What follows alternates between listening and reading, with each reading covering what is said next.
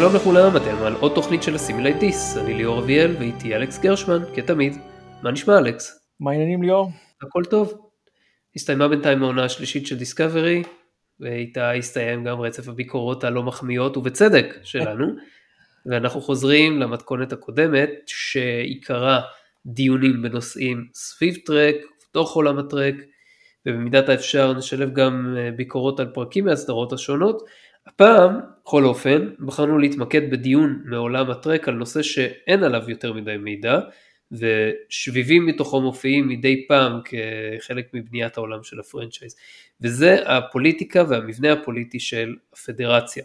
ואם נמקד את זה אנחנו מדברים על, גם על כדור הארץ, גם על התקופה של נאמר מה first contact וגם טיפה ממה שקדם ל first contact ועד אה, ימי אה, סוף פיקארד נגיד, סדרת פיקארד הכוונה.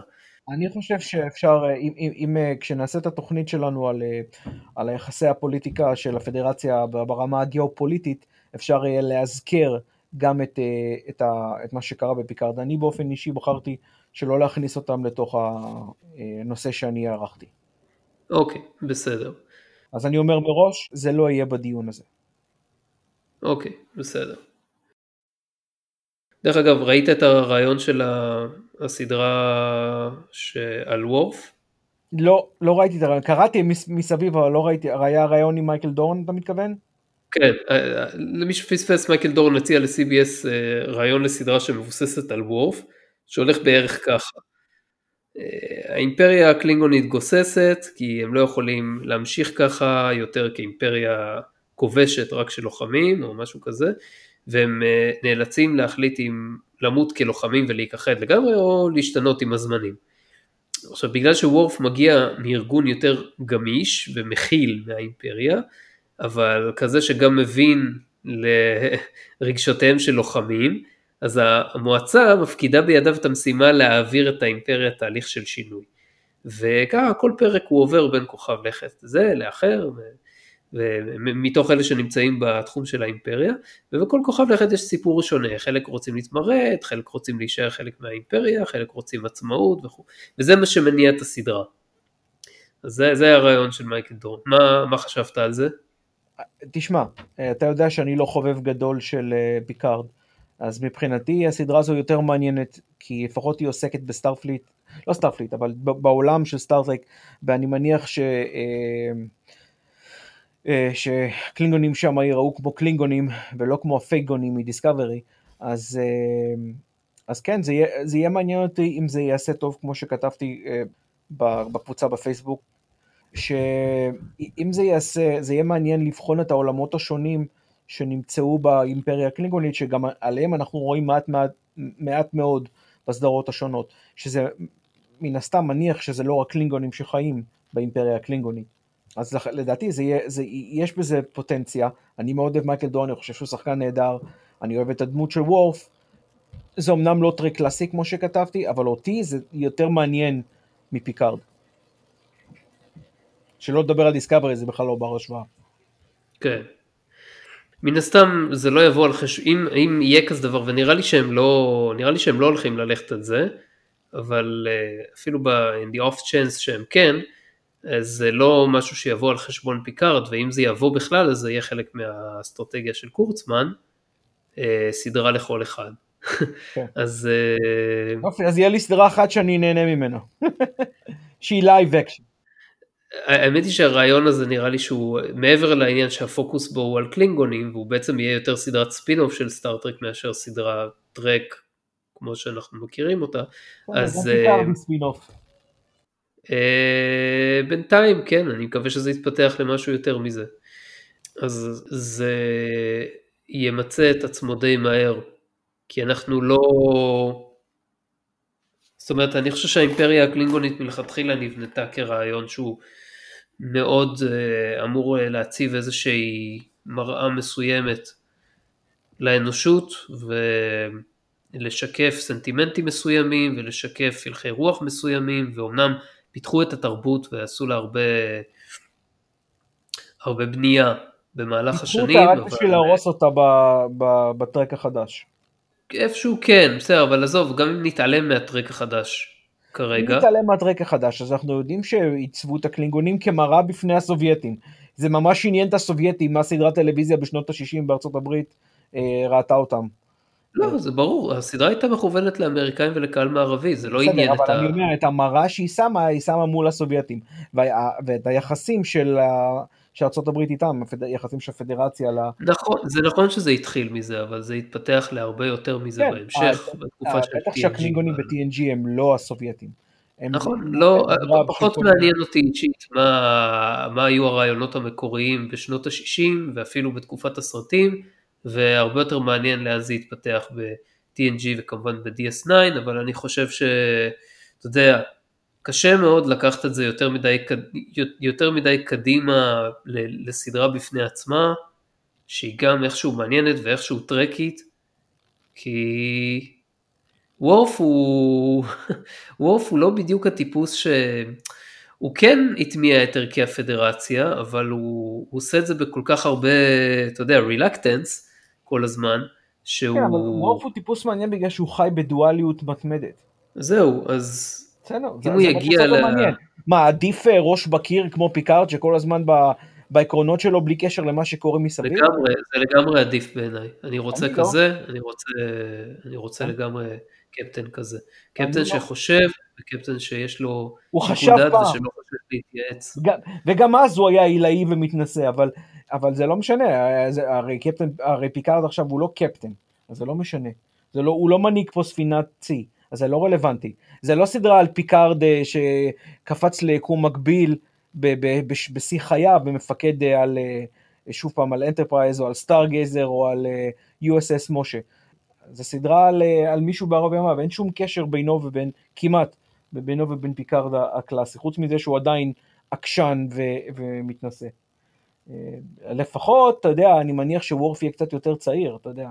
אז יהיה לך איזשהו אזכור מאיך שוורף היה בשיאו ב-TNG. אבל אני באופן כללי מעדיף מישהו, זה הרבה יותר מעניין אותי לראות, מישהו שחי בדואליות מתמדת, מאשר מישהו שהוא אה, חד כיווני. טוב, אני חושב שאני לא יודע למה אתה אומר את זה, כי הדמות של פיקארד הרבה יותר מגוונת ומעניינת ממה שאתה מציג פה. וביפר בעיניי הדמות הכי טובה. אתה בעצמך אמרת שמישהו שנעול בעקרונות שלו וכל הדברים האלה. אני עוד... לא, אתה, אתה, אמר, אתה אמרת את זה. אני אה, הסכמתי לחלק, שבו אתה מדבר על זה שהוא, אתה יודע, הולך אחרי העקרונות שלו. אוקיי. מה זה נעול? הוא אף פעם לא היה נעול במידה כזאת שהוא לא מוכן לשמוע דעות אחרות, זה בדיוק היה ההבדל בינו ובין קירק, שאתה יודע, אם קירק היה מקבל החלטה בתוך הראש שלו, פיקארד היה אומר conference room, והולך לשמוע את הדעות של האחרים, ואז הוא היה מקבל החלטה. זה קפטן שאני רוצה לראות. בסדר, זה, אבל זה לא קשור פה לעניין, אני דיברתי על, על הדמות. הדמות של... זה לא קשור, כי, כי, וורף, כי וורף אף פעם לא ראינו אותו כקפטן, אין לנו מושג איך הוא כקפטן. נכון, זה, וזה, וזה, פה, פה זה ה caveat היחיד שיש לי עם זה, אה, מבחינה הזאת. כי יכול להיות שלא כל אחד, אפילו שהוא דמות מדהימה, אני בעיניי, הוא לא כל אחד יכול להיות קפטן, ובזה אני מסכים. וזה, וזה פה, פה נקודת נפילה הפוטנציאלית של סדרה כזאת. אה, אבל מבחינת הדמות, דמות בעיניי, דמות דרמטית אפילו, בלי קשר לטרק, במיוחד לטרק בגלל המייקאפ של מי שעושה את הדמות של וורף, אבל אה, אה, המייקאפ הכוונה, אתה יודע. כן, כן, לא האיפור הזה. כן. כן. אז אני אומר, החיים בדואליות מתמדת, ודואליות שהרבה פעמים מתנגדת אחת לשנייה, חי בסכ... בסכסוך אחד עם השנייה, במיוחד בהתחלה ובמיוחד אה, אה, כשהוא, כש, כשהוא בא במגע עם, עם, עם אחרים, עם קלינגונים אחרים, ב, כמו שאנחנו יודעים, כל הסיפור עם הבית, עם ה-house of morg וכל הדברים האלה. אז זה, זה בעיניי דרמטי, זה, זה, זה דמות מאוד מאוד מעניינת, ולכן, אני, וזה במשחק של מייקל דורון, אני חושב שהוא, אה, שזה מאוד מעניין אותי לראות. אה, אבל עוד פעם, אתה צודק, סליחה, מהבחינה הזאת שאף אחד לא יודע איך הוא היה כקפטן. זה, זהו. אני, אחד החששות שלי זה שאתה יודע, לא, אנחנו כבר לא נראה לעולם בקצב הזה טרק, אה, כאילו איזושהי סדרת דגל שאני מחכה לראות מאז לא Enter, מאז Enter. לא תחת כל, אלא אם, אתה יודע, יש לי עוד שביב של תקווה לסטריינג' ניו וורלדס בגלל שהיא אפיזודית, אה, ולפי מה שהם אומרים, הם, הם, הם מנסים לחזור לרוח של טרק, לפחות לרוח של TOS, אני מניח, אה, יותר קרוב אולי. אה, אבל זה עדיין יותר טוב מכל מה שהיה עד עכשיו בניוטרק. לך זה אולי יהיה טוב כי אתה אוהב TOS, אני אה, רוצה משהו שהוא... אתה מבין שזה לא יהיה TOS TOS, זה יהיה TOS בגוון ווקי, אה, משהו כזה, אבל עדיין. אז, אז בשביל מה לעשות את זה בעבר? שיעשו את זה כבר בעתיד, אם כבר. שיעשו את זה מתקדם, כאילו, ואז לא יפריעו למה שהיה בעבר. הם רוכבים על, הרי זה לא היה מלכתחילה מתוכנן. ברור לך, הרי הם עשו את זה כן, בגלל ההצלחה של פייק. אני מבין את זה. של אינסון מארק. כל, כל עוד מעורבים בזה מפיקים וכותבים לא טובים, או כאלה שלא יודעים לעבוד ביניהם טוב, אז לא נקבל סדרה טובה, לא משנה כמה כריזמטיות יהיו הדמויות הראשיות. בסדר. וגם הפרמיס לא משנה. עם הפרמיס אני בסדר גמור, איך זה יתבצע? אלוהים יודע, ויצא לי חרוס פה. תשמע, תחת קורצמן אני לא, אתה יודע, הנטייה הטבעית שלי זה בגלל שזה תחת קורצמן, אז לחשוב שזה יהיה רע, אבל הקונספט כן מעניין אותי. כי אני משווע לסדרה אפיזודית. אם זה יהיה טוב, אתה יודע, יש תמיד סיכוי. אני חייב להגיד משהו לגבי עניין של הסדרה האפיזודית, כאילו... זה מה שהם אמרו, לא אני אומר את זה. כן, כן, כן, אני, אני מבין, אני פשוט לא שם על זה כזה הרבה סטרס, כי אני רואה את... ראית די אקספנס? אתה כל פעם שואל אותי וכל פעם אמרתי לך שלא. אה, לא יודע, לא, לא, לא זכרתי. לא, אני רוצה sorry. להגיע לזה, אבל אני לא, לא, לא הגעתי לזה עדיין. בסדר, זה צריך להיות גבוה אצלך לדעתי ב... בסולם העדיפויות? בסולם העדיפויות לכל הפחות כדי שיהיה לך קנה מידה להשוואה של סדרות מודרניות בעולם המדע הבדיוני. אתה כן, אני יודע שאתה כן רואה כל מיני דברים, אבל כאילו מדע בדיוני חללי אני מתכוון. אין כל כך הרבה אלטרנטיבות היום, והמעט שיש... צפיתי בסדרה דארק מדר, שהיא גם הייתה סדרה מאוד אפלה, ודי אהבתי אותה. דארק מטר, תזכיר לי מה זה. אני לא יודע אם ראית אותה, זה היית, הייתה שלוש עונות, לצערי היא שרדה מוקדם מדי. אה, סדרת מדע בדיוני מאוד אפלה, עם, עם, עם אה, עמוק בחלל מבחינת הפרק אה, זמן, למרות שנראה שזה לא שינה כל כך את החיים בקרב האנשים, בקרב יומנואידים, אבל שב"ס, לדעתי שווה צפייה. טוב, לא משנה, אני מהשנים האחרונות, כאילו, אני לא... לא כן, אני ש... לפני...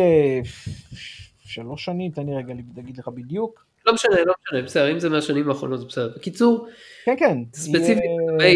לגבי, The Expanse, אז כאילו, אתה רואה את הסדרה הזאת וכואב לך הלב איך הסדרה הזאת מצליחה לעשות כמעט כל דבר יותר טוב מסטאר טרק מודרני, כולל הרבה מהדברים בפיקארד, למרות שבפיקארד אני יותר התחברתי לסיפור ממך, אבל נשים את זה בצד, כאילו, אתה משווה אותה לדיסקאברי, אז פשוט כאילו, כן, זה לא ייאמן. לך יש בעיות עם פיקארד, זה לא שאתה אפילו... נכון, יש, לי, יש, לי בעיות, יש לי בעיות עם פיקארד, אבל היות שיש לנו כאילו עסק עם סדרה הרבה יותר גרועה בעולם הטרק, וכאילו כן. שלא הולך להיגמר אין יש, יש degrees of separation, אני מבין מה שאתה אומר. בדיוק, אז, אז כאילו, פשוט אני מסתכל על זה, ואני מסתכל על זה סדרות שהתחילו, אקספנס התחילה שנתיים לפני, אה, ב-2015, ואתה רואה איך פשוט הכתיבה כל כך הרבה יותר טובה, וההקפדה על פרטים כל כך הרבה יותר טובה, והקוהרנטיות כל כך הרבה יותר גבוהה, ופיתוח הדמויות כל כך הרבה יותר טוב. עכשיו, היתרון של The Expense, כאילו יש לה יתרון משמעותי מהבחינה הזאת שהיא מבוססת על ספרים שכבר נכתבו, ולכן הרבה יותר קל לאבד את זה לתסריט, כך שזה יהיה קוהרנטי, ולא צריך להמציא את כל העלילה מאפס. זה נכון, זה נכון מצד אחד, אבל מצד שני יש תמיד את הבעיה שזה לא יהיה צמוד לספרים. בדיוק, זה לא צמוד וחלק מהעיבוד לא טוב, ואני ידעתי, כאילו קלטתי את זה רק בשבועות האחרונים. ואתה יודע את זה כי קראת את הספרים? לא, לא קראתי, אבל היו לי דיונים אה, עם, אה, גם עם, עם נדב שהתחיל לראות את הסדרה לאחרונה ופרסם את זה קצת בפייסבוק. ראיתי, כת... ראיתי, ראיתי, אבל הוא כן קרא את הספרים? לא, הוא לא, הוא לא, הוא לא קרא, אבל מישהי okay. אוקיי. שכן, אה, שכן קרא את הספרים הגיבה שם, ולפי הפרטים שהיא נותנת שם, אז יש כמה הבדלים מאוד מאוד משמעותיים מאיך שדברים קורים בספרים ואיך שהם קורים בסדרה, וההבדלים הם לטובת הספרים, אז... ועם כל הדברים האלה, הסדרה עדיין הרבה הרבה הרבה יותר טובה מדיסקאברי, זה פשוט כאילו, אתה אומר לעצמך, זה לא שהיא כאילו... לא יודע, ירדו מהשמיים ונתנו שם לכותבים, הכותבים פשוט עושים עבודה שהיא סך הכל די סטנדרטית בכתיבה, כן? יש לך כאילו כמה, כמה פיבוטים שם, ויש לך כאילו הליכה ברורה מנקודה A לנקודה B, וכל דמות מקבלת מספיק פוקוס כך שיהיה אכפת לך ממנה, ואתה תבין את המניעים שלה, וזה לא כמו פה שיש, וזה לא שיש לך שתי דמויות וזהו, יש לך שם איזה שמונה דמויות ראשיות בערך, שמונה דמויות שהן מספיק מפותחות, כאילו, והסדרה, ואני ראיתי עד סוף העונה השנייה עד כה, כן? אני מדבר איתך, יש עונה שלישית לא? יש עונה חמישית כבר כמעט הסתיימה. אה, כן, אה, נכון. אה, אני יודע שכבר את העונות האחרונות אמזון עשו. אז כן, נכון, את השלוש האחרונות זה. יש לי את קיצור- זה בפריים מן הסתם, אני יכול לצפות בזה מתי שאני רוצה. או מתי שיש לי כן. זמן, נכון. בקיצור, אז אה, בהשוואה לדיסקאברי, ששם לא אכפת לך מרוב הדמויות, כאילו יש לך שם דמות וחצי שאכפת לך וכל השאר הם או מעצבנות ואתה רוצה שהם ימותו, או שהם למלמים שאתה בקושי זוכר איך קוראים להם, באקספנס אין דבר כזה, כל דמות שהיא ראשית, אתה מבין מה היא, מבין מה עומד מאחוריה, אתה זוכר איך קוראים לה, אתה מתחבר אליה, או שאתה אוהב אותה, או שאתה שונא אותה, אתה יודע, דברים כאלה, אבל כאילו כמו ש... אתה יודע, וגם הדמויות די מורכבות, הן די אפורות, כאילו הן אפורות, הן לא תמיד ממש ככה, או תמיד ממש ככה, ויש בזה גם טוב וגם רע, זאת אומרת, זה לא שאני חושב שזה יתרון בהכרח שדמויות חייבות להיות אפורות, כי בסטארטרק, כאילו חלק ממה שאני אוהב זה שהמוסר של אנשי הפדרציה הוא גבוה והוא טוב והוא יותר מתקדם מהמוסר שלנו עכשיו, כי אחרת זה לא היה אומר הרבה וזה גם לא היה מסביר למה האנושות התפתחה לכדי האוטופ, האוטופיה שהיא נמצאת בה. או לפחות נמצאה בה עד שפיקארד החליטה להרוס אותה.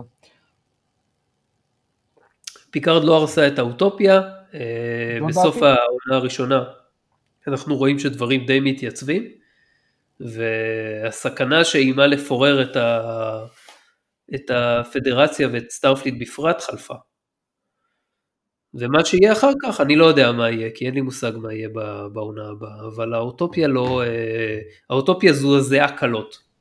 קודם כל האוטופיה, הא- האוטופיה הייתה כנראה עדיין קיימת לאורך כל הסדרה הזו, היא רק הוגזמה על ידי, הוגחכה אפילו, על, על ידי המאורעות שם בשביל לצ, לצייר את מה שקורה בסטארפליט. מה, מה קרה לג'ון סמית במערב אה, וירג'יניה בזמן שכל זה קרה, לא ממש אה, אה, מתייחסים אליו, כי זה לא מעניין אותם באופן כללי, את, את הכותבים האלה. אה, מה קרה לכל אזרח רגיל בפדרציה, חוץ מהנקודה של האנדרואידים, ואם היה לזה איזשהו קשר לחיים הרגילים בכדור הארץ ובשאר הפדרציה, שאנחנו גם כן לא יודעים מה קורה בשאר הפדרציה, כי כרגיל זה רק כדור הארץ. אבל, לגבי ה Expanse, קודם כל, אתה אמרת שבניגוד נגיד לש- שאתה כותב את רק, יש ספרים להתבסס עליהם וכל זה. לכותבי Discovery, או Picard, for that matter, היה, יש את כל העולם העצום שסטאר- ש Star Trek בנתה לפני. הם יכלו לה- להתבסס על זה ובאמת להיצמד לעקרונות, להיצמד לקנון וכל הדברים האלה. הם בחרו שלא לעשות את זה. הם אומרים שכן, אבל הם לא. שניהם. אה, אז היחידים שאיכשהו נצ- שנצמדים לקנון זה Lower Decks. אה, אז שניהם בחרו לא לעשות את זה. אה, אז זה, זה, זה, זה, זה בחירה. אז כן היה חומר להתבסס עליו, זה נכון. אחד זה פריקוול, השני זה לא ממש קורה במסגרת של Starfleet או פדרציה בכלל, אז, אה, אז זה לא ממש אה, אה, אותו דבר, אבל עדיין, היה מה להתבסס, היה מה לבנות. אז הנקודה הזו, אני מבין מה שאתה אומר, אבל בכל זאת היה להם על מה לבנות. שזה גם זה, מצחיק. זה, זה, אני לא, אני לא, לא, לא בא ואומר שאני כאילו, זה, אני חושב שזה מצדיק את איך ש Discovery נראית, וגם לא את איך ש Picard נראית. אה, לא, אבל אני אומר, בהתחשב בזה שאתה אמרת הנקודה הזו שה Expanse בגלל שהוא מבוסס על ספרים, אז אתה יודע, זה יותר רק על, על שאלה של העיבוד, מידת העיבוד, איכות העיבוד. אה, אבל, אה, ובניגוד נגיד ל Star Trek, שבכל זאת צריך לכתוב עלילה, כי זה פריקוול, אה, וכל הדברים האלה, אבל היה להם על מה להתבסס, הם בחרו של ללכת, אתה יודע, בלי ולהרגיש עם. זה מה שהם עשו. עכשיו, לגבי שאר הדברים באקספנס, רציתי להגיד שלפי מה שקראתי ולפי מה שאתה מתאר, וגם לפי מידת ההסתמכות שלהם על, על ריאליזם, נגיד במרכאות כפולות, כי כל פעם שמדברים על ריאליזם, זה ריאליזם נכון לעכשיו, לא נכון למה שיהיה עוד כמה מאות שנים. אה, אז כן. יותר קרובה הסדרה הזו ברעיון לגלקטיקה, נכון? מאשר לסטארט. אה, היא, גם בהיותה אפלה, הייתי אומר, ש, הייתי אומר שקצת קצת פחות, כאילו, ברעיון של הריאליזם איפשהו כן, אני מתאר לעצמי שגלקטיקה בטח שימשה לאיזשהו מקור השראה ל- לעיצוב של הסדרה הזאת. כן. הסדרות בכל זאת מאוד מאוד שונות למרות ההיבט הריאליסטי הזה, ואני מדבר רק על העיצוב ועל איך שהדברים מתנהלים שם. כן, מה זאת אומרת יש, אה, יש ריאליזם, נגיד, אני יודע, קראתי על הדוגמאות בריאליזם באקספנס, וראיתי כן. קצת גלקטיקה, למרות שכמו שאנחנו יודעים, זה לא הסדרה האהובה עליי במרכאות, אבל עדיין הרעיון הוא דומה מבחינה הזאת שמנסים מנסים להיצמד פחות או יותר לטכנולוגיה קיימת ולמה ש... אה, ולרעיון, ולאיך שזה נראה כרגע. כמובן בלי הסתמכות על איך שזה יכול להיראות בעתיד, שזה תמיד הסימן העיקר של הטרק. כן, הם לא, הם לא הולכים רחוק מדי מבחינת אה, טכנולוגיות אקזוטיות כמו שאנחנו רואים בסטארט-טרק, ואפילו לא קרוב. אני שב Expanse זה עוד יותר מאשר Galactica. כן, ה Expanse מתרחשת במשהו כמו אמצע המאה ה-23, כלומר, משהו כמו TOS מבחינת לוח הזמנים, אבל הרבה הרבה הרבה פחות מתקדמת, לא רק מבחינת זה שהכל נמצא במערכת השמש, ולא, ולא בגלקסיה הגדולה יותר, כאילו לא ב quadrant, או כאילו במרחב הגדול יותר, כן. אלא שאתה יודע, אה, אין לך subspace, אז יש delay, ואם יש delay אז יש לזה השלכות, delay לתקשורת אני מתכוון. הבנתי, ברגע שאמרת subspace, כן. הבנתי. כן, אז, אז יש, אם יש delay לתקשורת יש לזה השלכות ואנחנו נראה את זה על המסך, זה יהיה חלק ממה שמניע את העלילה, וזה מה שכל כך יפה בעיניי, הריאליזם הוא לא סתם, אה, הוא לא סתם כאילו token שנמצא שם על המסך, הוא חלק אינטגרלי בעלילה. הוא חלק זו, זו עדיין בחירה, בין אם היא מבוססת ספרים או מבוססת לא, לא ספרים. נכון, נכון, נכון, נכון, מסכים איתך, זה לא, וזה לא הבחירה הטובה היחידה, שב Star Trek לא, בחרו שזה לא יהיה ככה, שזה יהיה, יהיה כאילו מידה מסוימת, מידה לא מבוטלת של השעיית אי אמון כדי להעביר מסרים או חלקים בעלילה, זו בחירה לגיטימית ומצוינת לגמרי, ב-overall thing זה יותר טובה גם בעיניי, אבל אני מעריך מאוד את האקספנס הזה שהם הלכו בכיוון הזה, כי לא ראיתי אף, כאילו, סדרות אחרות שהן דיסטופיות, אקספנס היא בהחלט דיסטופיה, כן. אפילו את זה לא, לא טורחות לעשות. תחדד, מה אמרת יותר טוב בעיניך, העתידנות או ההיצמדות לריאליזם בדרך כלל? לא, דווקא זה שלא נותנים בהכרח לריאליזם לקבוע את המשך העלילה, אלא באים, אבל, אתה אבל יודע, אתה אומר, למרות זאת, האקספנס עושים עבודה כל כך טובה, בגלל שהריאליזם משמש עוגן לעלילות שלהם. זה מאוד נוח, כאילו כשאתה רואה סדרה, סדרת מדע בדיוני, ואתה יודע, המשאבים שלך, לא צריכים להיות כל הזמן מוקצים להשעיית אי אמון. הבנתי אותך, אז אתה יכול להתרכז יותר בעלילה. אז, כאילו, אז אתה, מור, אתה כאילו, הרבה מהמתח שלך יורד, הרבה מהלחץ שלך כאילו להשעות אי אמון יורד, ואתה אתה יכול להתמקד בדברים אה, יותר פנימיים, ל, לא יודע, לדיאלוגים, ל... אתה יודע, אין, אין, אין, אין עליך איזשהו אוברהד של ניסיון אה, להסביר לעצמך בראש איך, איך הם קפצו מהנקודה הקודמת לאיפה שהם נמצאים עכשיו. הבנתי אותך. כן, זה, זה מאוד מאוד ברור וחלק באקספנס. זה לא תמיד טוב, כי אז כאילו אתה יכול לעשות פחות דברים. בסופו של דבר אתה יכול לעשות... אתה יודע, כל אחד צריך לעבוד עם הכלים שיש לו. וכמו שאתה אומר, הם עובדים עם הכלים שיש להם מאוד טוב מאוד. בסדר, כן. אני משתדל להגיע לזה. אבל אתה יודע, אני ושלי התחלנו עכשיו לצפות ב-24, אז יש לנו הרבה. כן. אה, אה, בקיצור, סתם כואב הלב לגבי הפער בין סדרות שנמצאות, סדרות מדע שנמצאות באותו, פחות או יותר באותו עידן, ושסטארטרק נמצאת כל כך נמוך ביחס לסדרה סדרה אחרת, ואני מקווה שזה ישתפר, אבל אם נחזור על נושא של וורף, אני לא חושב שסדרה על וורף, גם עם ה... מעט אה, מריט שיכול איפשהו להיות לה, אני לא חושב שהיא הכיוון הנכון ל, לעשות את זה. יכול להיות, אני אמרתי לך, אני מעדיף אותה בקלילות על פני Picard, אבל אה, אף אחד, אני מודה שאף אחד... אתה יודע, אתה יודע, אם, אם וכאשר היא תיווצר, אז יכול להיות שאתה תשנה את דעתך, אתה תגיד שזה... אתה יודע, ברור, תשמע, אה, אני יכול להיות, אתה יודע, אני, אני לא אומר שהיא בהכרח תהיה יותר טובה, אני אומר שהקונספט, שאלת אותי לגבי הקונספט והרעיונות, אז בעיניי היא יותר כן. טובה, אם הביצוע שלה יותר גרוע, בוודאי שיכול לקרות. אני לא, אני לא מכחיש את זה. אה, אף אחד לא, גם אני, גם אני לא יכולתי לדעת, אמנם כבר באתי ל Picard אה, אה, כבר, עם כל הדיבורים לפני זה כבר באתי Picard עם רעיון, והם לא אכזבו אותי בכמה שהתאכזבתי. לא, זאת אומרת, לא התאכזבתי, הם לא, הם לא, לא אכזבו אותי בכמה שחשבתי שזה יהיה רע וזה היה. אבל, אבל אתה יודע, תמיד יכול להיות, תמיד אפשר להתאכזב לרע. אני אומר, אם זה יקרה, לדעתי זה יותר מעניין מפיקארד, אם זה לא יקרה, זה לא יקרה, ויכול להיות שזה יקרה וזה יהיה יותר רע מפיקארד. לא נראה לי, אבל יכול להיות. וזהו, אני חושב עם זה. כן, נסגור את הסוגריים האלה ונעבור לחלק העיקרי, לדיון שלנו. כן. ואז אתה כאמור מוביל אותו הפעם, אז uh, יאללה, לך על זה. כן, אז uh, רק שלמאזינים שלנו אני, אני אסכם איך, איך בדיוק אני הולך לעבור לגבי זה. אני הולך לזרוק לכם הרבה, הרבה תאריכים פה, ואנחנו נדבר על איך נבנתה קצת כדור הארץ ואז הפדרציה, ואיך אנחנו, מה אנחנו בעצם יכולים לראות מה, מהמעבר שלהם מאחד לשני, ואיפה יש אה, כמה שאלות שהן מאוד מאוד מציקות במבנה שלהם, וכמובן יש מעט מאוד באמת מידע, זה ממש גלימפסס, זה הרבה אתרים, זה אפוקריפה לא מעט, לא מעטה, אבל אנחנו עושים מה שאנחנו יכולים, וכמו שאמרתי, נתמקד ב, במה שקורה לכדור הארץ, אה, סליחה, לפדרציה, ביחסים הגיאופוליטיים שלה עם שאר החברות בקוודרנטים השונים, בתוכנית אחרת, אוקיי? אוקיי, יאללה. אוקיי. אז הבה נתחיל. בפרק הראשון של uh, Next Generation, Encounter at Farpoint, פיקארד מתחיל ומדבר על, uh, על איך היה כדור הארץ לפני, כשהם עומדים למבחן על פשעי האנושות.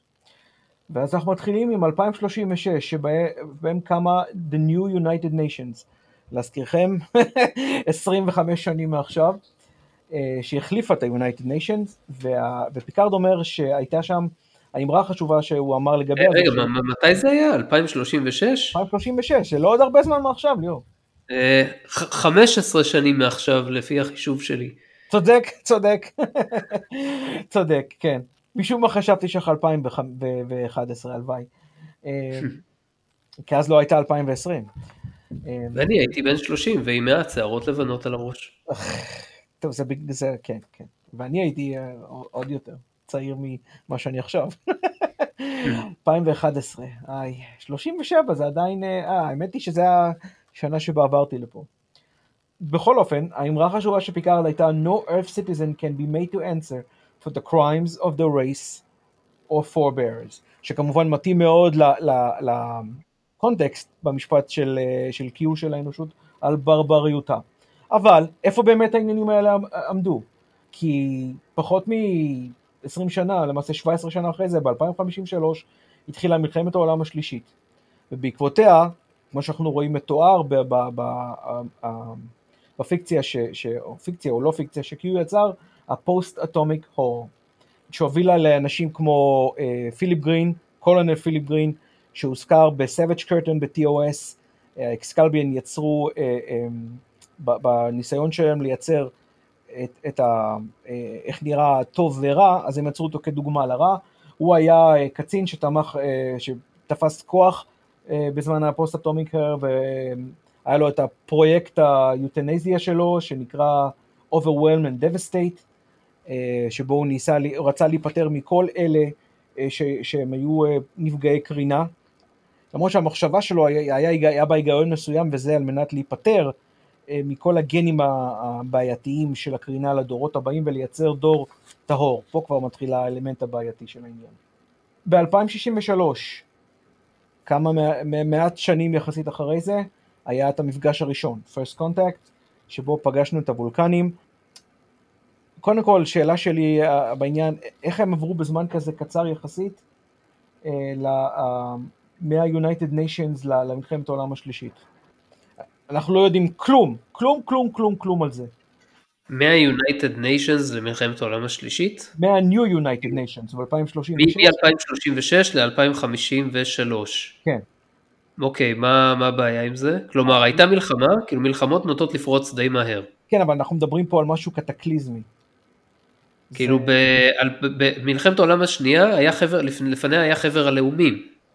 אחד מה, מה, מהגופים הכי כושלים בהיסטוריה האנושית. כן, בסדר, נכון, נכון אני, אני מסכים איתך, אבל הוא היה, הוא היה קיים מסוף מלחמת העולם הראשונה ועד אז, ועד סוף מלחמת, כאילו, לא הייתה כן. לו כל כך משמעות במהלך המלחמה. הסכם השילומים, אה, הסכמי ורסאי, הוא נוסד, הוא נוסד בעקבותיהם, ואז גרמניה הוכרחה לשלם לבריטניה וצרפת, ואתה יודע מה, כשאני חושב על זה, יכול להיות שה-New United Nations, למרות שפיקארד אמר את זה כניסיון להגן על, ה, על, ה, על הגזע האנושי, יכול להיות שזה איזושהי אנלוגיה לחבר הלאומים.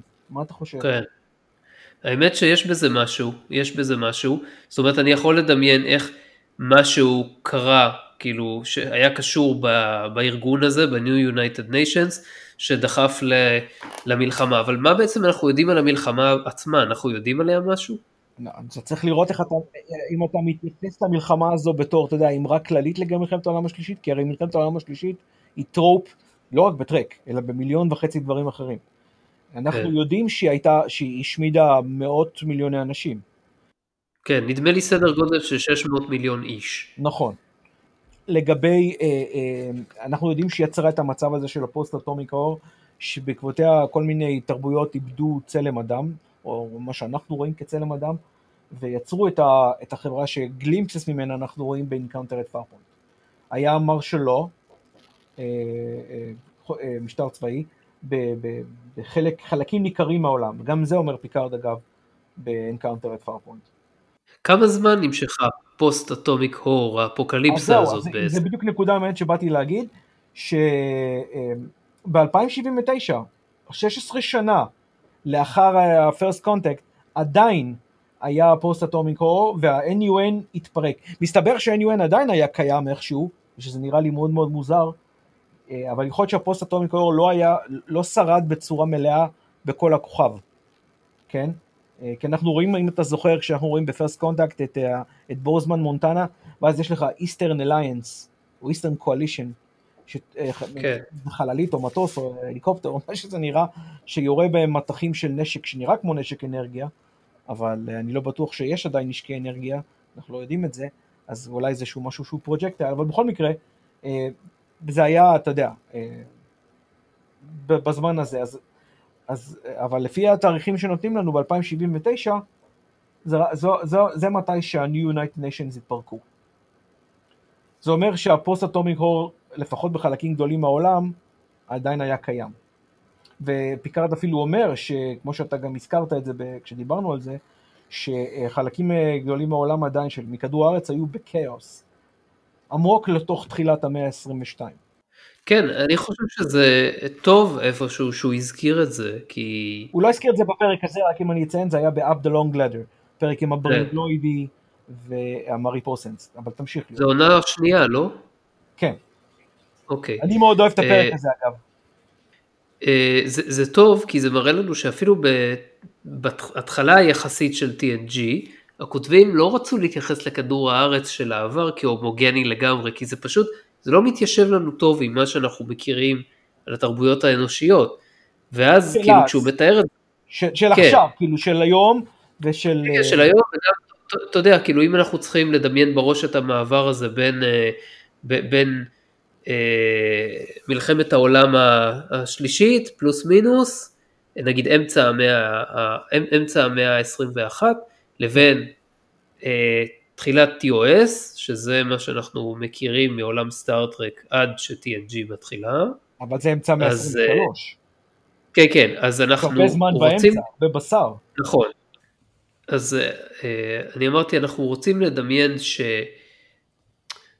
שיש הדרגתיות מסוימת בין, אה, בין, בין התקופות. וש... ו... ולכן כאילו אנחנו מקבלים מ-TNG מהפרק הזה שאמרת את הרושם שיש כמה כיסים שנקרא לזה העולם הישן, אבל עיקר העולם ממשיך קדימה ובסופו של דבר כולם מצטרפים. והאמת היא שזה גם אה, יכול אולי להסביר בדיעבד, אם כי כמובן אני לא זוכר שאמרו על זה שום דבר ספציפי בסדרות, אז זה ספקולציה לגמרי, למה יש מושבות שלא שמרו על קשר עם הפדרציה, ו-TNG מבקרת אותם, או גם TOS, אולי הם יצאו בשלב מוקדם מאוד מתוך תרבויות שלא ראו את עצמן כחלק מהסדר העולמי החדש, ולכן לא היו מעוניינות לשמור על קשר עם ההמשכיות שלו. אם אתה מדבר ספציפית על שני האלה, אנחנו יודעים שהפרוב הזה נשלח על ידי ה-European Hegemony, שזה היה... לא, לא מדבר, לא מדבר על זה. היו כמה פרקים, כמו Masterpiece Society למשל. אה, נכון, נכון, נכון, כן. כן. היו גם ב-TOS פרקים אולי שבהם... אולי גם אפילו דה רויאל, כי אנחנו יודעים שהספינה הזו שלו נשלחה מוקדם הרבה יותר. כן, אז... אה, לא, אבל אתה יודע מה, ליאור, לפני שחקרתי את זה, באמת לא ראיתי את, את, את, את, את כמה שאפשר לראות בצורה קטנה, ואולי אפילו הם לא הבינו כמה חכם הם עשו את זה, על ידי זה שהם בנו את הצורה ההדרגתית הזאת, ולא, אתה יודע, שהכל הפך מיד לגן עדן. אז אני כן רוצה לתת להם קרדיט פה ולחשוב שבחדר הכותבים שם ב-TNG הם דווקא כן חשבו על זה שאם הם באים ואומרים אוקיי לא נפתח את כל ה-timeline bit by bit אבל בוא נגיד כמה דברים עקרוניים. נסכים על זה שהייתה מלחמה ואת זה בוודאות עשו לפני תחילת הסדרה אם מזכירים את זה ב-Encounter at Farpoint. אז אם הם קבעו שהייתה מלחמה מלחמת עולם שלישית ואחריה יש לנו פיתוח הדרגתי שמגיע בסופו של דבר עד מה שאנחנו יודעים ב-TOS, אז אתה יודע, היה צריך פה ושם למלא את החלל הזה וזה לא חמק מעיניהם. הם פשוט לא רצו להתמקד על זה בסדרה, כי רודנברי החליט, ואיפשהו בצדק, שהסדרה מתמקדת בעתיד ולא בעבר. היא כן לומדת מהעבר, אבל היא לא מתמקדת בעבר, זה פחות חשוב לתאר מה היה. אז בדיוק. לא עניין של, אני מסכים עם מה שאתה אומר, אבל אני חושב שזה גם היה עניין של הרבה הרבה עבודה שהם לא רצו להקדיש לו זמן, כי זה, כמו שאתה אומר, הרבה קורה בעבר. תשמע, זה, זה גם יכול להיות שזמן, אני לא יודע, אין, לא חושב שיש לנו בדיוק דרך לדעת מה בדיוק, איך בדיוק כל אחד מהמעורב, מהמפיקים המעורבים חילק את הזמן שלו, אבל אם זה היה חשוב מספיק למישהו שם, ספציפית לרודנברי, אז מישהו היה מקבל איזה משימה לסוף השבוע, לעשות timeline פיקטיבי של, אה, אתה יודע, מה קורה בין 2063 פלוס מינוס, בתקופה הזאת של אמצע המאה ה-21, ועד עד, לפחות עד TOS, אם לא עד TNG, אתה יודע, ואז לשבץ גם כמה אירועים uh, כאלה כדי שיהיה להם תחמושת במרכאות לפרקים עתידיים. אז uh, זה לא קרה, אני לא יודע למה זה לא קרה, אני מעריך שזה לא היה מספיק חשוב מכל מיני סיבות. כן, אולי אז, אני חושב שזה כן חשוב על מנת היה לבנות משהו, אה, אתה יודע, שמייצג ומשהו שהוא יסודי, אבל זה לא היה. אבל עכשיו, רציתי להגיד שעדיין יש דברים שהם קצת אה, אה, אה, נוגדים אחד את השני. למרות מה שאמר פיקארד בזה, בפארפוינט הוא גם אומר ש... אם אני לא טועה את זה, הוא אמר את זה ש-by the early 2000s, less than two generation of the post-atomic war, humanity was finally able to eliminate most, if not all, poverty, disease, war, and hunger. Along with it, a lot of other things disappeared from humanity, including hopelessness, despair and cruelty.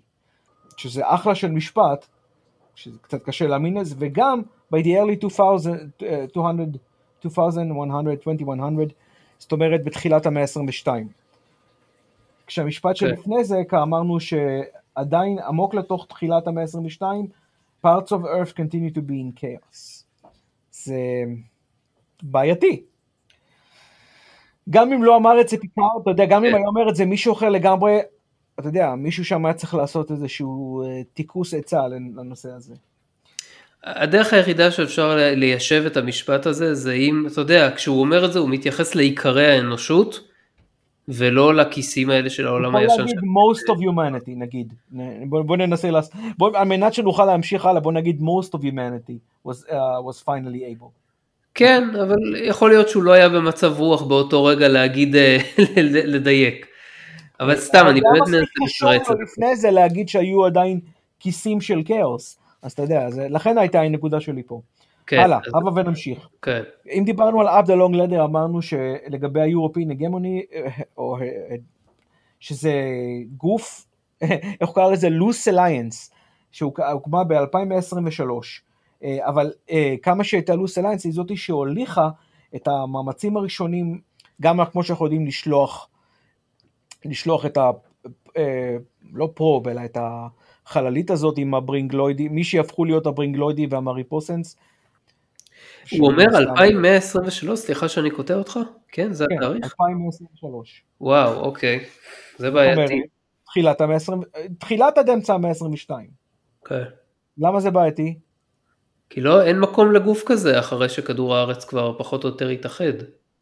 למה שיהיה יורפיאן הגמוני עם... אה, הוא, אבל אתה יודע, זה הם, אה, עדיין לא יתאחד, אבל עדיין, אתה יודע, בכל מקרה זה עדיין, עדיין אה, נופל על העניין הזה של כל מה שאמרתי לך לגבי הבעייתיות מבחינת אחידות המקור.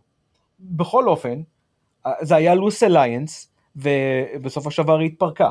אבל עדיין היסוד שלה היה הניסיון הראשוני ליצור אה, איזשהו סוג של United Earth Government. כמו שאמרו את זה באבדלון גלדר. עכשיו, מתי כל הדבר הזה קרה אגב? זה היה צעד ראשון. ב-2150 שנייה, כל- רק עוד, עוד משפט אחד על ההגמוני לפני שאתה ממשיך. כן. אה, הוא כאילו, אני זוכר את, את, את המונח האירופאן הגמוני, וזה כן. תמיד ישב לי כמו קורץ כזה בתפיסה הכוללת של המעבר ממה שאנחנו מכירים היום לעולם מאוחד, שאתה תכף תדבר עליו.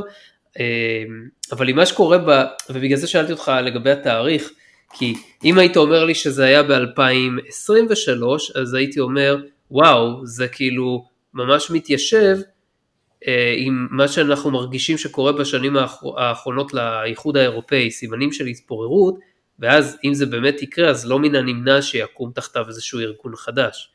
אם כי הגמוני נשמע לי כמו מונח עם קונוטציות קצת שליליות יותר ממה שהייתי... לא יודע אם שליליות, אבל עם קונוטציות מאוד מאוד ספציפיות.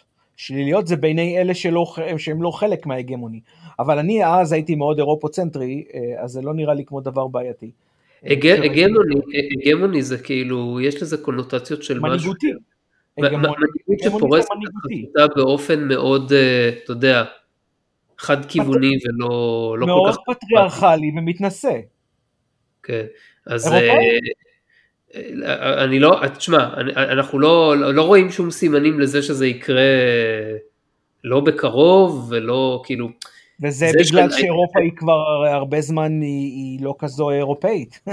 גם לא הייתה, היא גם לא הייתה כזאת ב-87, לכן, או 88, ולכן זה נורא מוזר ש, שזה פתאום קרה, כאילו משהו היה צריך להשתנות בעולם וספציפית באירופה כדי שהם יהפכו להיות פתאום זדים כאלה. טוב, אל תשכח שאנחנו מדברים פה על פוסט מלחמת העולם השנייה. כן, כן, בדיוק, בדיוק. אז הם החליטו שאחרי שהפוסט אטומיק או, או שבחלקים מסוימים של העולם עדיין שורר, כי אנחנו אומרים early 22nd century, אז אתה יודע, זה מאוד מאוד מאוד אה, אה, אמורפי, זה עדיין יכול להיות 2120, אה, ובאו האומות ששרדו את, ה, את, ה, את הפוסט אטומיק בצורה הרבה יותר טובה.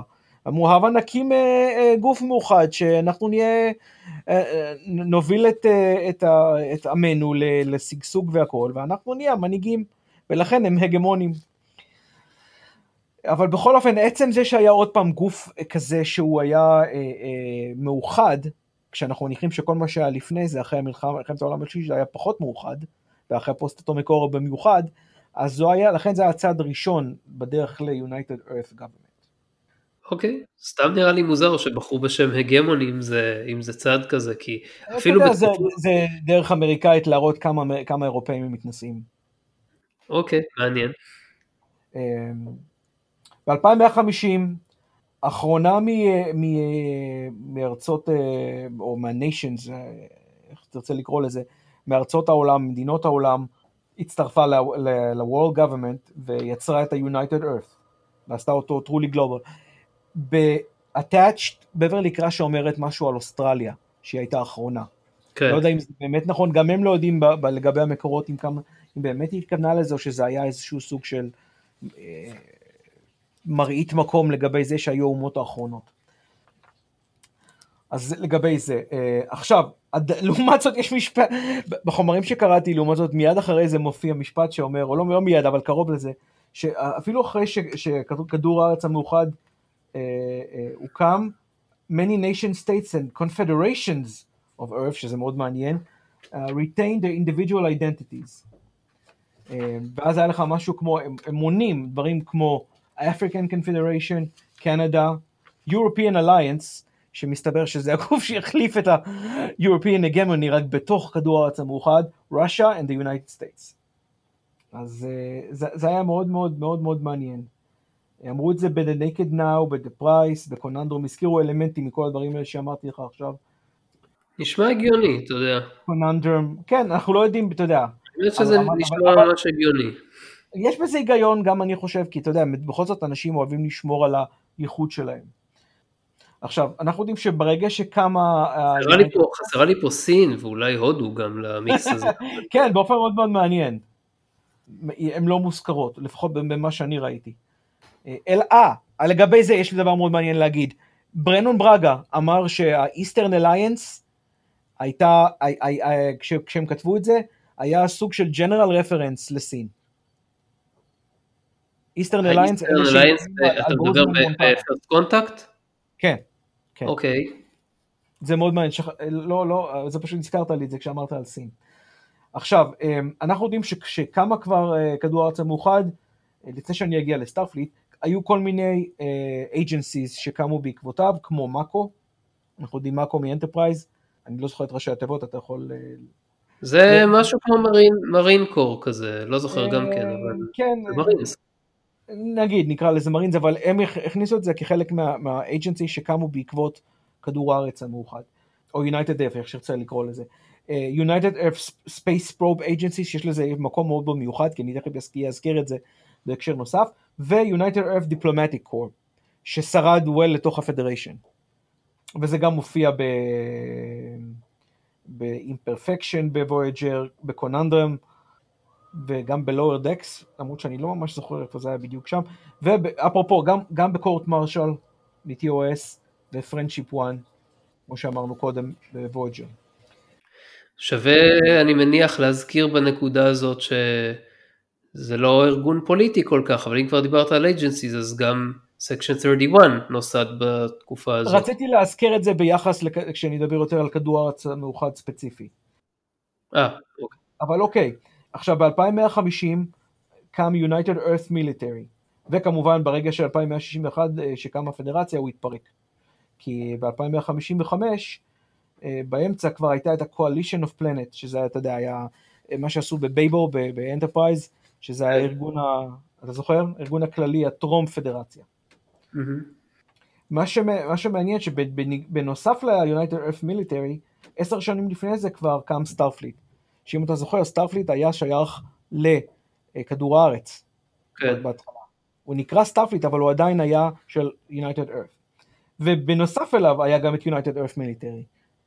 מה שאתה יודע, מה שעושה את Starfleet, או ארגון, אה, אה, אה, או, או הצי בעצם של כדור הארץ, עם קצת אלמנטים דיפלומטיים, מחקריים וכל הדברים האלה, אבל לא הגוף, ה, ה, אתה יודע, צבאי slash מחקרי היחידי, כמו שהוא למעשה בזמן הפדרציה. פשוט זה היה מאוד מאוד מעניין מבחינתי שהיה גם United Earth Military וגם Starfleet. וכמו שהזכרת קודם, היה, את Section 31 שהיה יחד עם Starfleet Intelligence באותו זמן שקמה הפדר... כדור הארץ המאוחד ב-2151, הם נוסדו כבר אז. כי אנחנו יודעים שב Enterprise Section 31 היה בהקמה של, בעקרונות של כדור הארץ כבר אז. כנראה, כנראה נוסדו קצת לפני, אנחנו לא יודעים בדיוק כמה לפני. אי אפשר לדעת, כי כל מה שאנחנו יודעים מההאריס, מהטיפוס הזה שנקרא האריס ב Enterprise, שהוא המפעיל של ריד, זה שה Section 31 הוא בצ'רטר של United Earth. גם כן. המילה הזאת צ'רטר יהיה משמעות לאחר מכן. לאחר מכן. בכל אופן, אה, כדור הארץ המאוחד אנחנו יודעים שרד עד 2161 אה, שבה קמה United Earth, uh, United Federation of Planets, אבל הוא נקרא עדיין United Earth כגוף מאוחד. זאת אומרת, כאחד מהחברים, מארבעת החברים, יחד עם האנדורים, הטלרייטים והוולקנים, uh, לפחות לפי מה שכתוב במקורות שקראתי, הוא נקרא United Earth, לא Earth. זה מעניין שהם שמרו על, ה, על הדנונים הזה. אוקיי. Okay. לפחות, לפחות לזמן מסוים.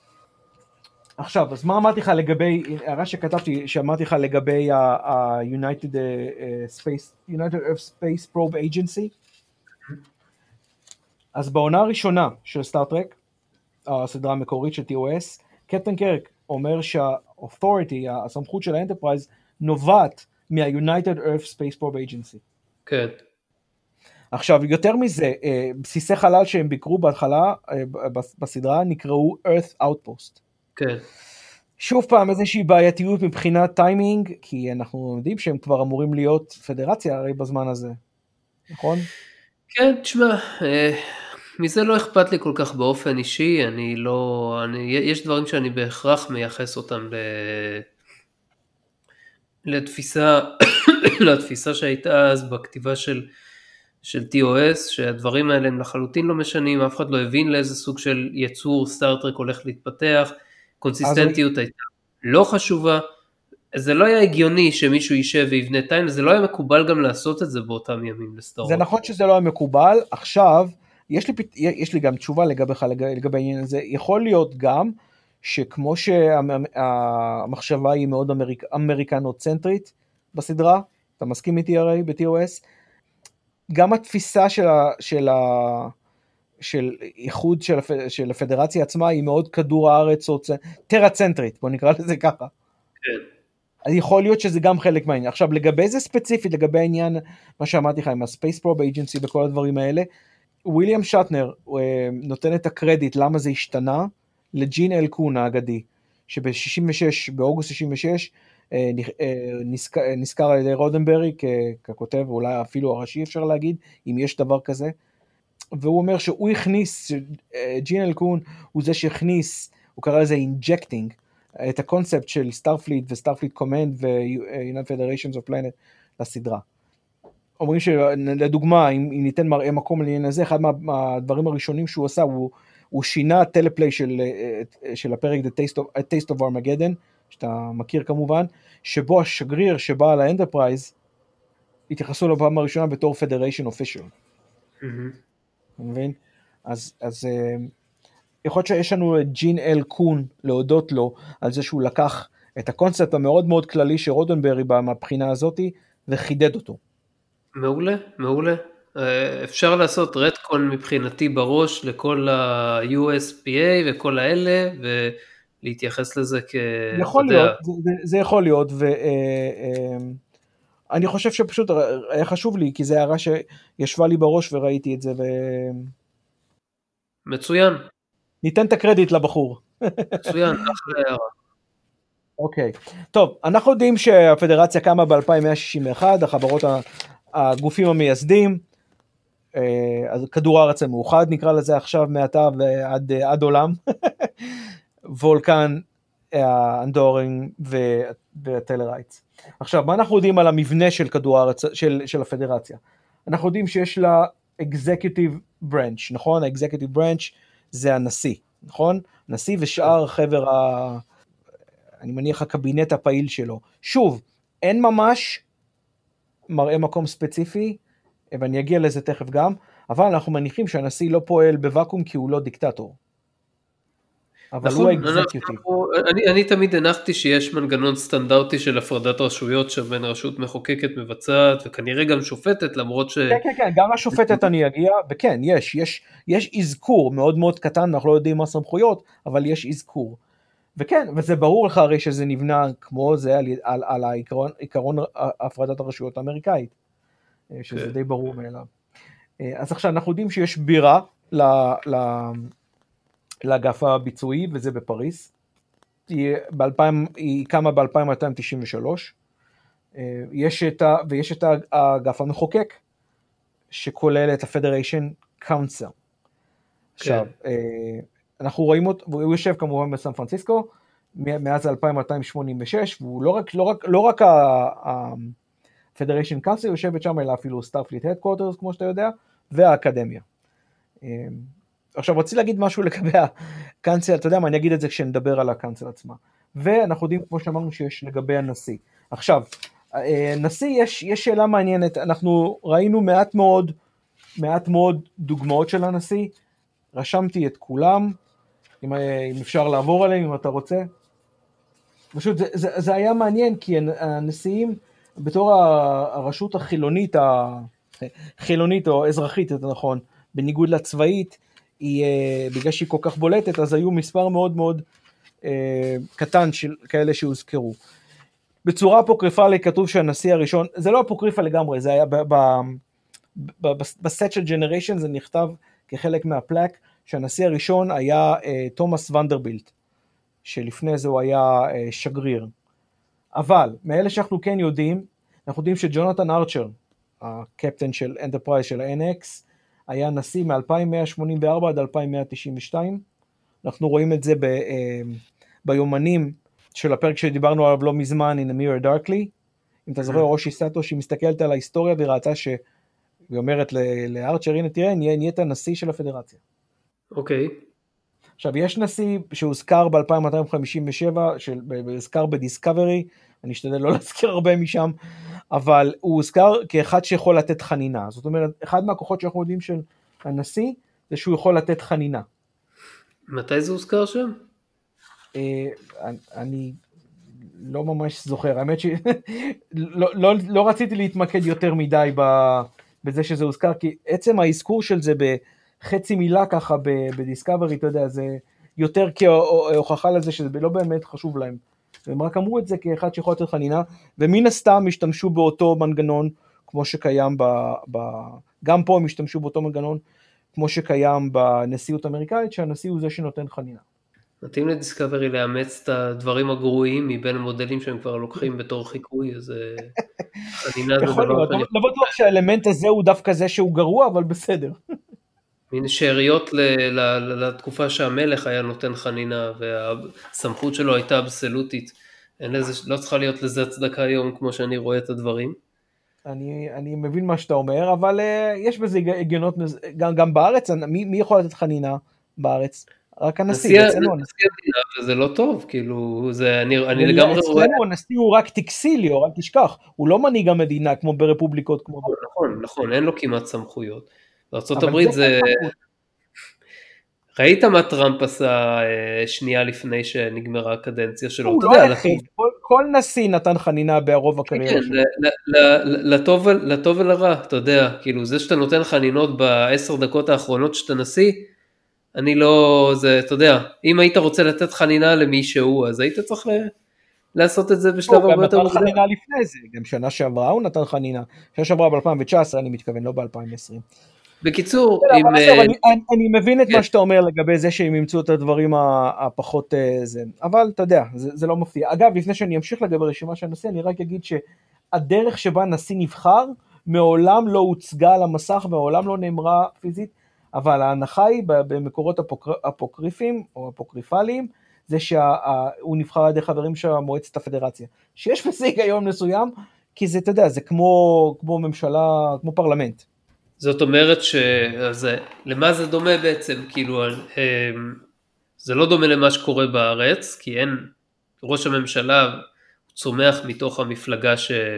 נכון, אין מפלגות, זה, דיפ, זה דיפלומה, איך קראו לזה? רפובליקה, זה דמוקרטיה ייצוגית. representative democracy. לעומת זאת בארצות הברית הנשיא נבחר ישירות, אז גם לא. גם לא. לא, זה יותר... גם כן, כאילו אם אתה לוקח את, אה, לא יודע, נשיא צרפת ואת אה, גרמניה, זה גם בחירה ישירה אם אני לא, לא טועה. לא, זה, זה בחירה ישירה, אבל הם כולם באים ממפלגות, אתה מבין? ופה, ככל שאנחנו יודעים, אין מפלגות. לא, בסדר, אני לא יודע, יכול להיות שיש גם משהו, אולי לא בדיוק מפלגות, אולי יש זרמים, לא יודע, אין לי מושג, סתם אני ממציא עכשיו. פה אתה יודע, כאילו. פה אתה כבר נכנס לקונספטים של פקשנס וכל מיני דברים. כאילו למה שבן אדם לגמרי לבד הוא פתאום יהיה נשיא, בדרך כלל יש מאחוריו איזה, אתה יודע, איזושהי אידיאולוגיה. זה ברור, אבל אני שהם דיפלומטים גם ככה. הם לא יבחרו, אתה יודע, נגר באנדוריה להיות הנשיא. לא. ברור שלא, אבל זאת אומרת, מה, אנחנו לא יודעים שום דבר על התנאי, פה זה מקום להרבה הרבה ספקולציה, אם זה מספיק שונה ממה שקורה פה, אז יכול להיות שיש תנאים שהם נגיד רוטציונרים כאלה לבחירת הנשיא, כמו למשל ש... לא רוט... כמו למשל שנגיד אה, אה, כוכבי הלכת הם, אה, או שאולי זה נבחר לפי הגרלה, נגיד פעם ב... אתה יודע, עושים הגרלה ומי שזוכה, הכוכב שזוכה הוא זה ששולח את הנשיא כדי שיהיה ייצוג, או כדי שיהיה סיכוי שווה לייצוג. תשמע, היות ולא הוצג שום דבר פיזית, אני מניח שמה שאתה, שאתה אומר, יכול להיות שזה קרה. אבל מכל האפוקריפות ש, ש, שקראתי לגביהם, זה מה שהם אומרים, שיש בזה היגיון, כי חברי המועצה מייצגים את, ה, אה, את, ה, את החברים בפדרציה, והם אלה שבוחרים. אה, ואני מניח שהיו איש כאלה שמועמדים לבחירה. עכשיו, רציתי לגבי, אוקיי. לגבי מועצת הפדרציה הזאת, למרות שאני אגיע אליה עוד פעם, זה ש... שני דברים שזה דווקא לא, לפחות בעיניך, לא יהיו, אה, אה, לא יהיו אולי אה, השוואה טובה, זה שזה גם קצת מזכיר את הסנאט ב Star Wars, הסנאט של ה prequels, שהם בחרו את פלפטין, זה קצת יותר מזכיר כי זה representative, אז זה אולי משהו שהוא דומה. בסדר, אין לי בעיה, אני פשוט אניח ש Star Wars לקחו את זה מ Star Trek, כי הרי זה היה ב-99, ועד אז כבר נגמרה לך כמעט DS9. זה נכון. וראינו כבר, ראינו כבר את Home Front. אה, ראינו את כל, את כל החלק העיקרי שמדבר על מה שאתה, מה שאתה מדבר עליו, כולל נשיא הפדרציה כן. ומועצה והכל. רק שאת החלק הזה שוב פעם האמת יותר ראו בסרטים ולא לא, לא בסדרות ספציפית לגבי העניין הזה אבל אה, אני מניח שיכול היה להיות שם אתה יודע back and forth. בכל מקרה העניין השני זה שבמעט שאנחנו רואים את חברי הפדרציה זה נראה כמו יותר כמו סצנה ממוס אייזלי. אה, לגבי כל היצורים שיושבים שם. זה, אתה יודע, כל מיני יצורים מאוד מאוד חייתיים ופרוותיים וכל הדברים האלה. איפה אנחנו רואים את זה? קצת ב- ב- בסרט השישי, קצת בסרט החמישי, אפילו אוקיי. קצת בסרט הרביעי. כן. כן, אז זה, זה, אוקיי, עכשיו לגבי המשך הנשיאים, ב-2286, אם כבר דיברנו על הסרט הרביעי, ראינו נשיא אנושי, שלא לא הוזכר השם שלו, רק שאנחנו יודעים שהוא היה בן אדם. באזכורי אפוקריפה נתנו לו שם, אה, שמות שונים, אחד מהם זה היה היירם רות, והשני זה היה אליסטר פרגוס. אני אחיה עם שניהם. אוקיי.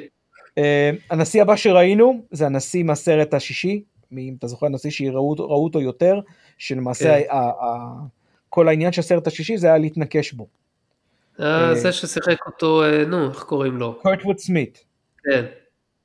הוא היה מגזע שנקרא אפרוז'ינס, שמה שקראתי עליו, אתה יודע, היה לו מבחינת השיער על הפנים הוא נראה קצת קלינגוני. כן, כמו קלינגון, רק לא... כן.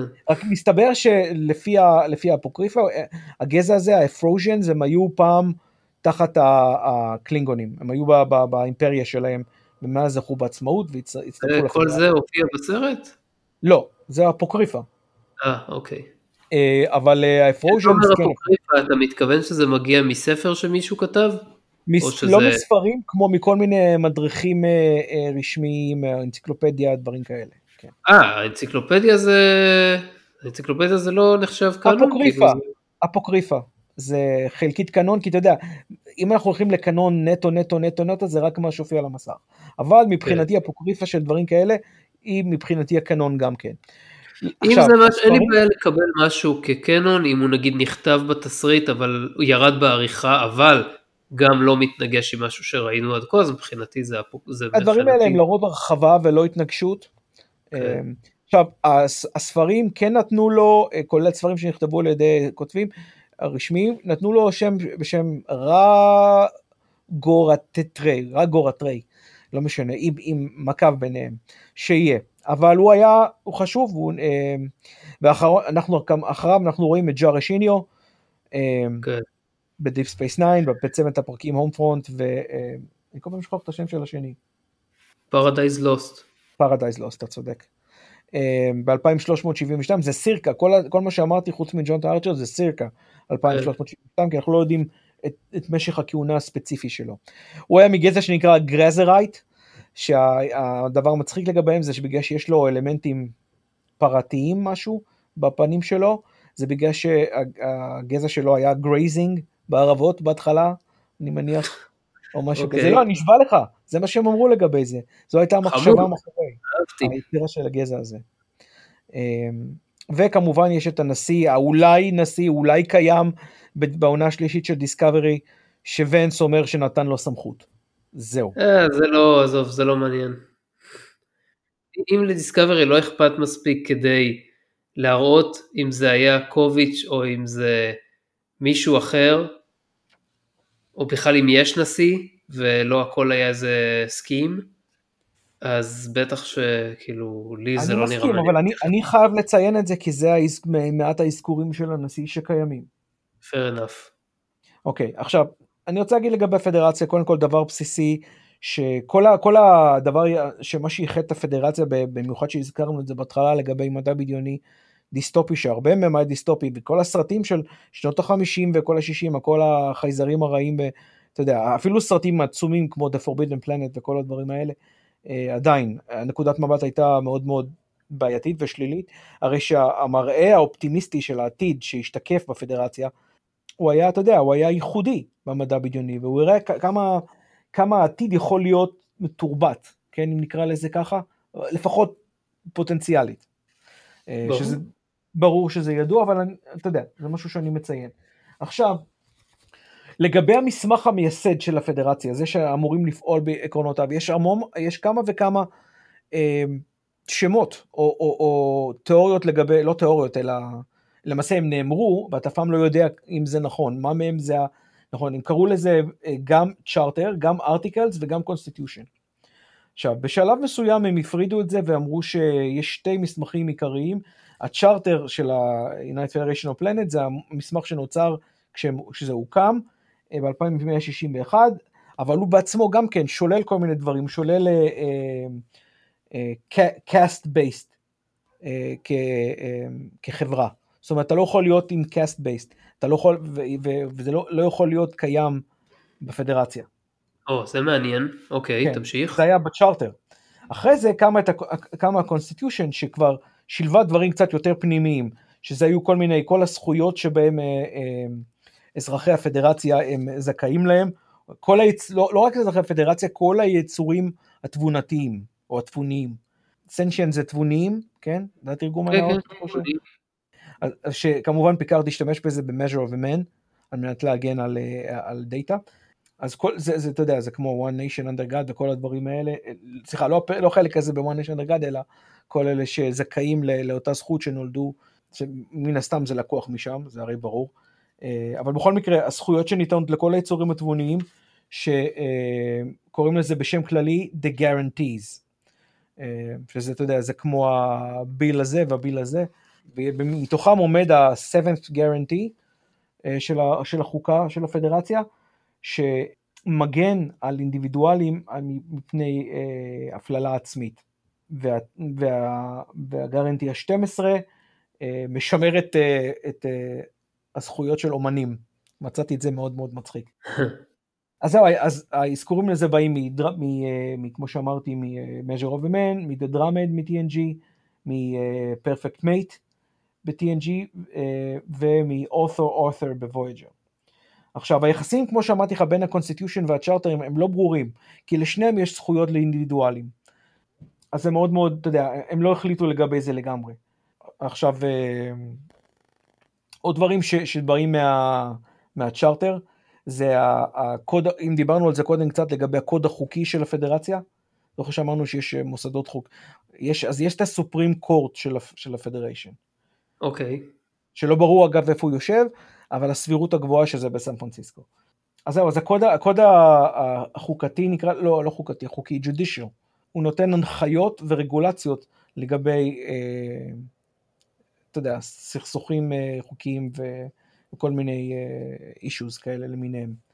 אה, אז יש לך את, אה, כמובן, את ה-General Orders ו-Regulation, אבל אלה יותר, הם הרבה פעמים נוגעים יותר ליחסי חוץ מאשר ליחסי פנים, שאנחנו לא מכסים בדיון הנוכחי שלנו.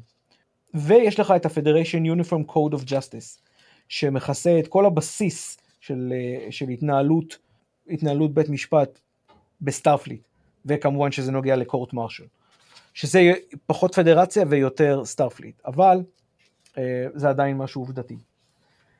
אה, אז עכשיו רציתי להגיד לגבי עוד פעם לגבי פדרציה, הגופים, ש, הגופים המייסדים אה, של הפדרציה שאנחנו הזכרנו אותם, נתנו אה, מספר עקרונות ל, ל, לאלה שרוצים להצטרף, כי לא דיברנו ממש לגבי זה הרבה, אז יש לך דברים כמו מה שאמרתי לגבי ה-cast based system, שאסור ש... שתהיה חברה שתהיה בה אה, אה, שיטה כזאתי, אה, אפל... אפליה, זאת אומרת אם הודו הייתה מדינה אז, אה, או כוכב לא הייתה יכולה להצטרף. למרות שזה לא רשמית אני חושב עכשיו בהתנהלות שלה, אבל אני לא יודע. כן, העניין של הרשמיות הוא בעייתי, גם ביפן זה ככה, זה גם כן בעיה. פחות נראה לי, אבל כן, אני, אני מבין על מה שאתה מדבר. עכשיו, עוד משהו מאוד מעניין, אה, שאסור שיהיה לה הפרות של זכויות אה, אה, של יצורים תבוניים, שכמו שאמרתי, וזה מופיע בפרק שאנחנו מאוד אוהבים, שנקרא The Hunted. זוכר את The Hunted כמובן? כן, ברור. אז בפרק הזה הם מדברים גם על זה שההפרות של, ה, של, ה, של החופש של, של יצורים תבוניים, אז לכן אתה זוכר אגנוזיה או אנגוזיה, איך קראו לה, לא יכלה, לא יכלה להצטרף לפדרציה. כן. אמ, ומשהו מאוד מעניין שמצאתי, שזה גם היה בפרק attached, שממשלה, לא, לא, הכוכב כולו לא חייב להיות מאוחד תחת ממשלה אחת על מנת להצטרף. זה desirable, אבל זה לא required. מה אתה חושב על זה? מוזר מאוד, איך הם אה, כאילו הולכים, אתה יודע, איך הם הולכים לנהל uh, משא ומתן עם כל מיני nation states נפרדות אם הם לא מאוחדים. זה, כן, אבל זה נאמר, נאמר ב-attached. אולי זה, אתה יודע, אולי הם... Uh, אולי במקרה של כוכבי לכת כאלה, אז הם uh, פורסים עליהם חסות, הפדרציה פורסת עליהם חסות במובנים מסוימים, אבל נגיד אין להם עדיין יכולת, אולי הם לא מקבלים עדיין כרטיס לפדריישן קאנסול, אולי הם, אה, אתה יודע, כאילו אמור, צריכים להסכים כולם להיכנס לתהליך, לאיזשהו תהליך של אגרגציה של כל הממשלות האלה לכדי ממשלה אחת, באיזשהו, אה, אתה יודע, down the road. זה לא מוזכר בפרק הזה, אז קשה, קשה לי אה, להגיד לך לגבי זה, אבל יש בזה היגיון במה שאתה אומר, אבל עוד פעם, זה, זה לא נאמר. אבל אתה יודע, יש, יש בזה משהו... אבל אתה יודע, אם זה אומר ככה, זה, זה אחד משתי דברים. זאת אומרת שיש פה התניה סמויה או otherwise לגבי זה שאתם חייבים להתאחד מתישהו, זה לא חייב לקרות עכשיו, אבל זה, אבל זה חייב לקרות בעתיד. צריך להיות road map לזה. יכול להיות, לא יודע, זה, אתה יודע, זה נשמע כמו הבטחות פוליטיות למיניהם, זה אחד. שנית, אמרת לגבי זה שאתם יכולים להצטרף אבל אין לכם קול במועצה, אתה יודע, זה, זה בוסטון טי פארטי all over again. זהו, חשבתי על זה גם כן, אבל אתה יודע, אה, הפדרציה... כן, כן, אני, אני מבין מה אתה אומר, אבל לגבי טקסטיישן, אין דבר כזה בפדרציה, אני מניח, אלא אם כן, כל כוכב חייב... אנחנו צריכים לחקור את זה בנושא נפרד, אני אגיע טיפה בכלכלה, אבל, אה, אה, אבל לא, לא ראיתי טקסטיישן עד עכשיו. להפך, כאילו, בלי קשר לאם יש לך ייצוג או לא, אם אתה כוכב לכת שכרגע יש לו תופעת מחסור, מסוימת, אתה רוצה קודם כל להצטרף לפדרציה, בין אם יש לך ייצוג או לא, כי זה יבטיח לך שהמחסור ייעלם. אחרי שהמחסור ייעלם, יכול להיות שכל מיני דברים יקרו, למשל שהממשלה שלך תתאחד, כאילו שכל ה-nation states יתאחדו, או שכאילו ייווצר איזשהו גוף אחר שלא יודע, לא, זה, לא, לא, לא יודע בדיוק כאילו איזה, איזה קונסטלציה נוספת יכולה לקרות, אפשר לשבת ולחשוב על כל מיני רעיונות מעניינים בנוגע לנושא הזה, אבל לא יהיה דבר כזה של בוסטון טי פארטי במקרה הזה, כי, כי לא, לא ייקחו שום דבר מכוכב הלכת הזה, כאילו הדבר היחיד שיקחו מהם, במובן של, במרכאות, זה את האפשרות שהם פתאום יצטרפו לאיזשהו גוף גלקטי שנמצא בעימות עם הפדרציה. זה אולי הדרישה היחידה שאפשר יהיה לדרוש מה... זה ברור מאליו. ובמקרה כזה, במקרה שהם נגיד אותו כוכב לכת יבגוד באמון שלו עם הפדרציה, למרות שכל התזה החברתית כלכלית של סטארטרק היא, היא מראה לך שכאילו אין, אין סיבה שזה יקרה, זה שפשוט הפדרציה תשיג, כאילו תבטל את ההסכם איתם ותשיג את הכוחות שלה מ, מה, מאותו מקום, אבל לא לפני שהיא תבוא ותגיד מי שמעוניין לפרוש מהכוכב הזה, אנחנו ניקח אותו בשמחה אלינו, וכל השאר יישארו תחת הממשלה הזאת שמעדיפה לפרוש, וגם לזה יש בעיות, ואני לא יכול לחשוב איך מנצלים את זה. כן, תמשיך. לא, אבל, אבל לא, לא להצטרף, כאילו אתה, אז פה אם אתה בא ואומר, כאילו בגלל שחלק מהממשלות שלכם החליטו להתנתק מהפדרציה, אבל אולי יש אחוז גדול של האזרחים שלא רוצה בזה, אז אתה כאילו מפקיר אותם. היא כמה לא, שנים... לא, אבל זה לא להתנתק. זה מתחילה כשאתה לוקח גוף שנמצא בתוך עולם מסוים, ואתה יודע, חלק מהאזרחים על, על העולם הזה לא רוצים להיות בפדרציה וחלק כן. אז אין פה עניין של התנתקות, אתה מבין? אז יש פה עניין של האם אתה לוקח גוף, אתה, האם אתה לוקח עולם שרק חלק ממנו רוצים להיות בפדרציה. מסתבר שכן, אבל אתה יודע, אבל... אני בא לי לראות עכשיו את attached again אה, שוב בשביל, בשביל כן. לראות את זה, אבל זה היה הנושא, אני זוכר, הם הרי חלק מה... והקבוצה האחרת שבתה את פיקארד ואת קראשר בכל העניין הזה. בסדר, אני, אני רוצה להאמין שכאילו כל, כל ה... אני לא זוכר גם כן את ה bits and bytes בפרק, ואני רוצה להאמין שכל ה parties אה, בפנים, לא משנה מה היה מצב יחסי החוץ שלהם עם הפדרציה באותו זמן, זה היה משהו שהוא כנראה נתפס כזמני והוא ישתנה תוך איזשהו פרק זמן, אולי כמה שנים בודדות, למשהו אחר. או שהם יהפכו להיות חלק מהפדרציה, או ישבו את המחלוקות ויהפכו להיות חלק מהפדרציה כולם, או שהם יחליטו שזה מוקדם מדי והם לא עושים את זה. זה, אבל אתה יודע, זה שוב ספקולציה, אבל אני מציע שבסתם בשביל הרחבה עצמית שלנו נצפה שתינו בפרק הזה בהזדמנות. ונראה לגבי זה, כי החלק הזה הפתיע אותי גם. בסדר, מקובל. פשוט צריך לזכור, כאילו, מה זה צריך לזכור? זה ברור שהפדרציה היא גוף שעובד ברזולוציה גלובלית. הוא לא יכול להיכנס ל-nation states, זה לא הגיוני, לא יכול אני, להיות... אבל זה בדיוק העניין, לכן הדבר הזה הפתיע אותי, אם זה לא היה מפתיע אותי, לא הייתי מציין את זה ליאור. נכון, זה כמו שכאילו, אתה, אתה, האמת היא שאולי, אתה, אתה יודע, אתה יכול לחשוב על איזשהו, אתה יכול לחשוב על מצב שנגיד, יש הרי כל מיני מובלעות בעולם, לסוטו בדרום, בדרום אפריקה, לא יודע, אנדורה. אתה רוצה מובלעות, יש לך את כל האבחזיה וכל האלה למיניהם ברוסיה. זה מובלעות. נגורנו קרבאח. רשמית הם חלק מרוסיה, כאילו. הרוסים אומרים שהם חלק מרוסיה, הם אומרים נכון. הם דיסידנטים שרוצים לצאת, כאילו לא כן. דיסידנטים, ססשניסט, זה המילה הנכונה. אוקיי. הם ססשניסט. ככה, ככה גם, אה, ככה, כן, אבחזיה ונו, אה, צ'צ'ניה. נגורנו קרבאח וכל אלה. נגורנו קרבאח זה בין אה, גרוזיה לאזרבייג'אן, אם אני לא, לא כן. לא גרוזיה. בסדר, אבל הם כולם באותו אזור. זה לא בדיוק, זה כאילו... אוסטיה, כל, החל... כל החבלים האלה. הכורדים, הכורדים זה דוגמה טובה, כאילו הם רוצים okay. אוקיי. להקים מדינה, וזה, ויש. כמה, כמה מדינות שלא, שאף אחד מהן לא רוצה לתת להם. לא משנה, בכל מקרה, מה, שרוצ, מה, מה, מה שרציתי להגיד זה שכאילו, אם יש לך, יש לך מובלעת פלנטרית, נגיד יש לך מדינה או יבשת אפילו על פני כוכב הלכת שהיא לא חברה בפדרציה, בעוד שאר הכוכב כן חבר בפדרציה, מה בעצם קורה פה? כאילו המובלעת הזאת, איזה, הרי היא מוקפת מכל עבר בפדרציה בעצם. מה היא יכולה לעשות? כאילו, היא יכולה פתאום לחבור, לחבור לאויבי הפדרציה? זה ריאלי? או יכול להיות שהיא פשוט רוצה להיות בעצמאות. אבל איזה משמעות יש לעצמאות שלה כשכבר יש כאילו, אתה בעידן החלל. בסדר, אבל יכול להיות שהם רוצים להיות בעידן החלל, אבל קודם כל הם יכולים להיות זנופובים, זה אחד, יכולים להיות פשוט לא מעוניינים, ב, ב, גם אם יש להם את הטכנולוגיה, לא מעוניינים בקשר רציף, ושלישית, יכולים עדיין להיות space faring uh, uh, uh, government או, או, או sub government by themselves, ולא להיות חלק מגוף, מגוף כוללני. הרי אם אתה זוכר, אם אנחנו מדברים על attach, מפה אנחנו לוקחים את כל הדיון הזה, הרי יש שם שני חלקים שווים פחות או יותר. אחד רוצה להיות בפדרציה, השני לא.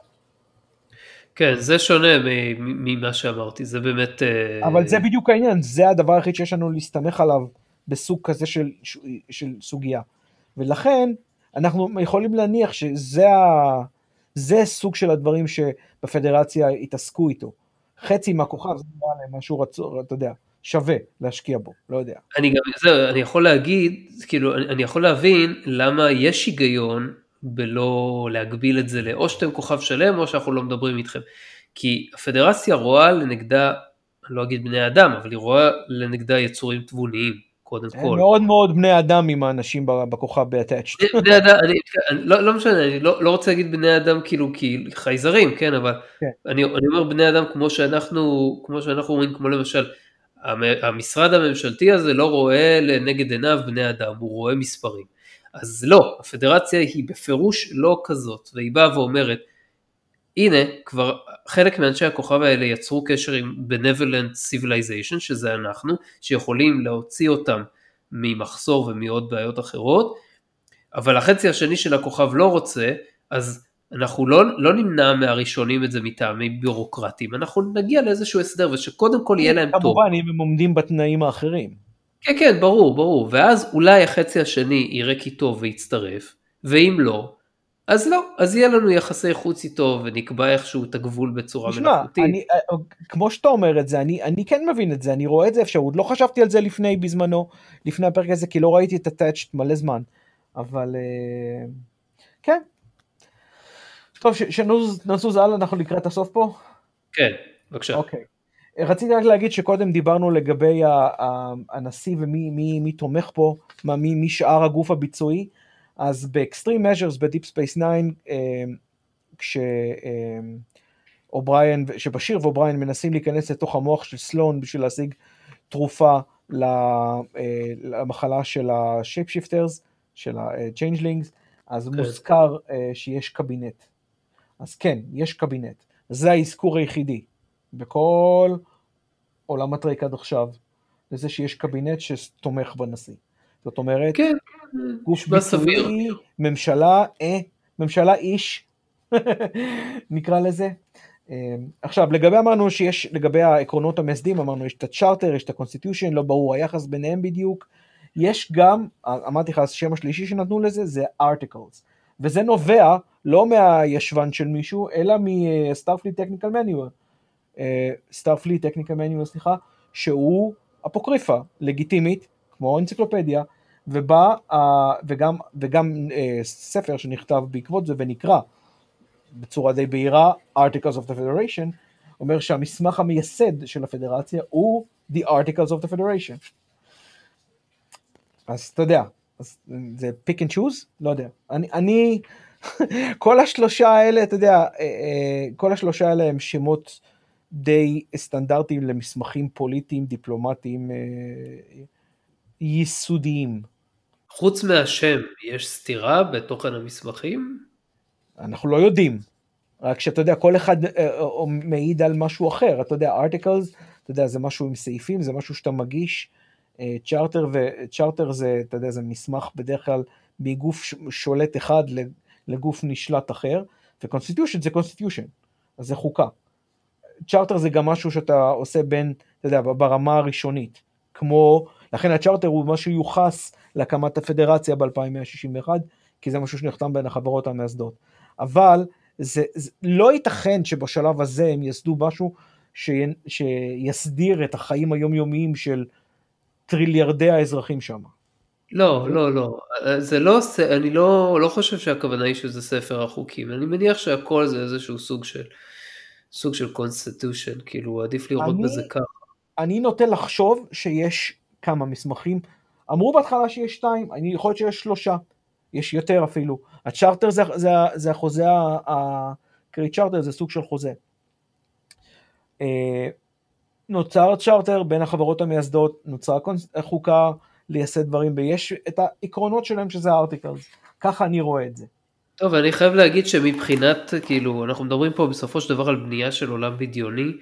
ו... אבל אנחנו צריכים להתייחס לזה בצורה רצינית. לא, לא, זה, לא, לא, אני, אני ברור שאני מתייחס לזה בצורה רצינית, פשוט אני בא ואומר שמנקודת המבט של uh, צופים שמסתכלים על העולם הזה מבחוץ, באמת שלא היה צורך לעשות את ההפרדה הזאת בין, uh, בין סוגי מסמכים, כי זה לא, זה סתם מסבך, זה לא חשוב וזה לא תורם שום דבר להבנה של אה,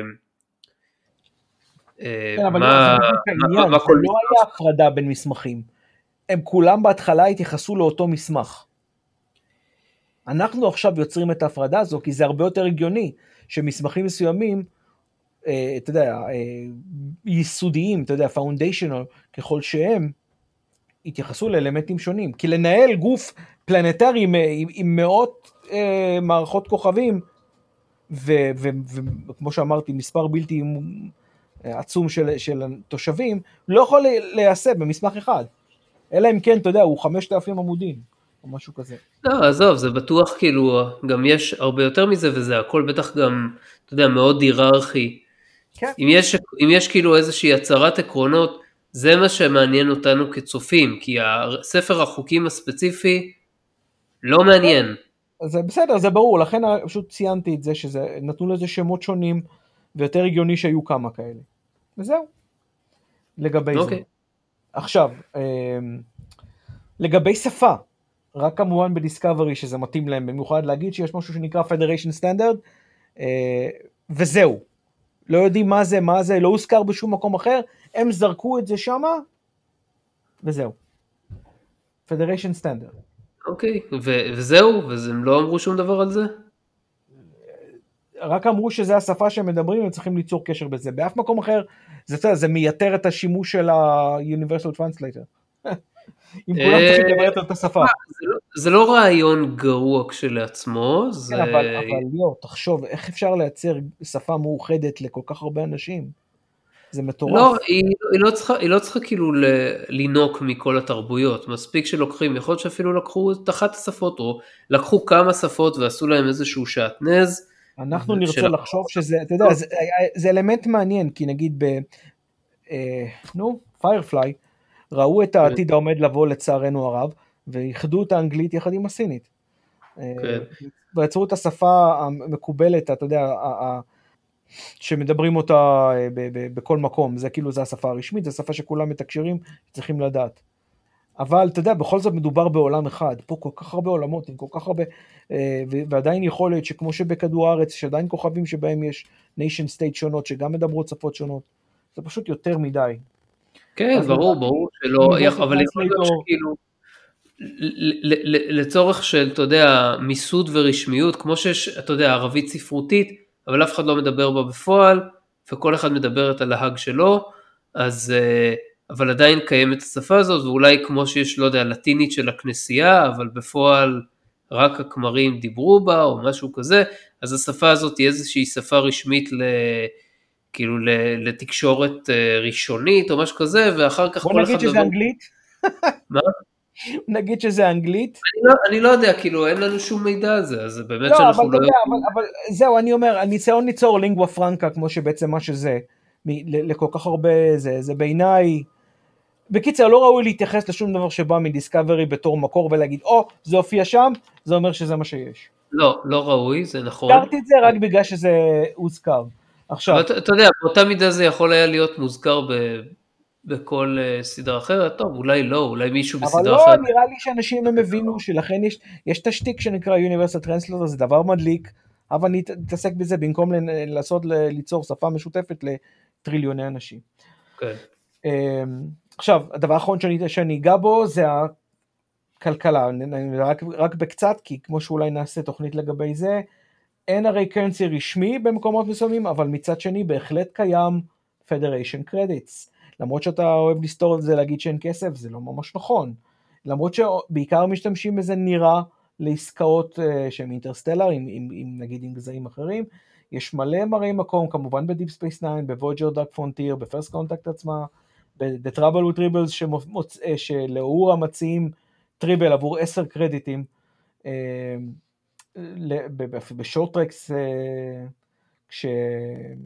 כמו שדיברנו שנתנו לו באונטי, הפדרשן נתנה באונטי עבור הארי מאד ב-The Price, פרק מאוד מאוד חשוב לגבי, לגבי וורם הול, אגב, הוורמול של הברזנים, שלצערם הייתה בלתי יציבה, הפדרציה הציעה משהו כמו מיליון וחצי פדריישן קרדיטס, אה, חתיכת, ועוד איזה עשר אלף כל שנה, או משהו כזה, עבור הזכויות לשימוש בזה. זאת אומרת... יש התייחסות לשימוש ב credits בתוך הפדרציה? אם אנחנו יודעים שקיימים, הם נקראים Federation credits, אתה מניח שמשתמשים בהם ב Federation.